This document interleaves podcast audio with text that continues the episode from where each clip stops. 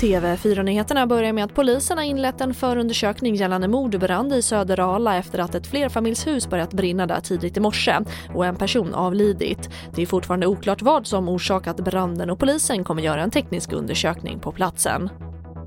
Och miljöorganisationen Greenpeace ligger kvar med det välkända aktivistfartyget Rainbow Warrior och blockerar infarten till Preem RAF i Lysekil.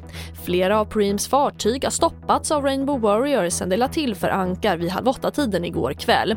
Och Greenpeace säger att de inte kommer flytta sitt fartyg förrän regeringen stoppar Preems planer på oljeutvinning i Lysekil.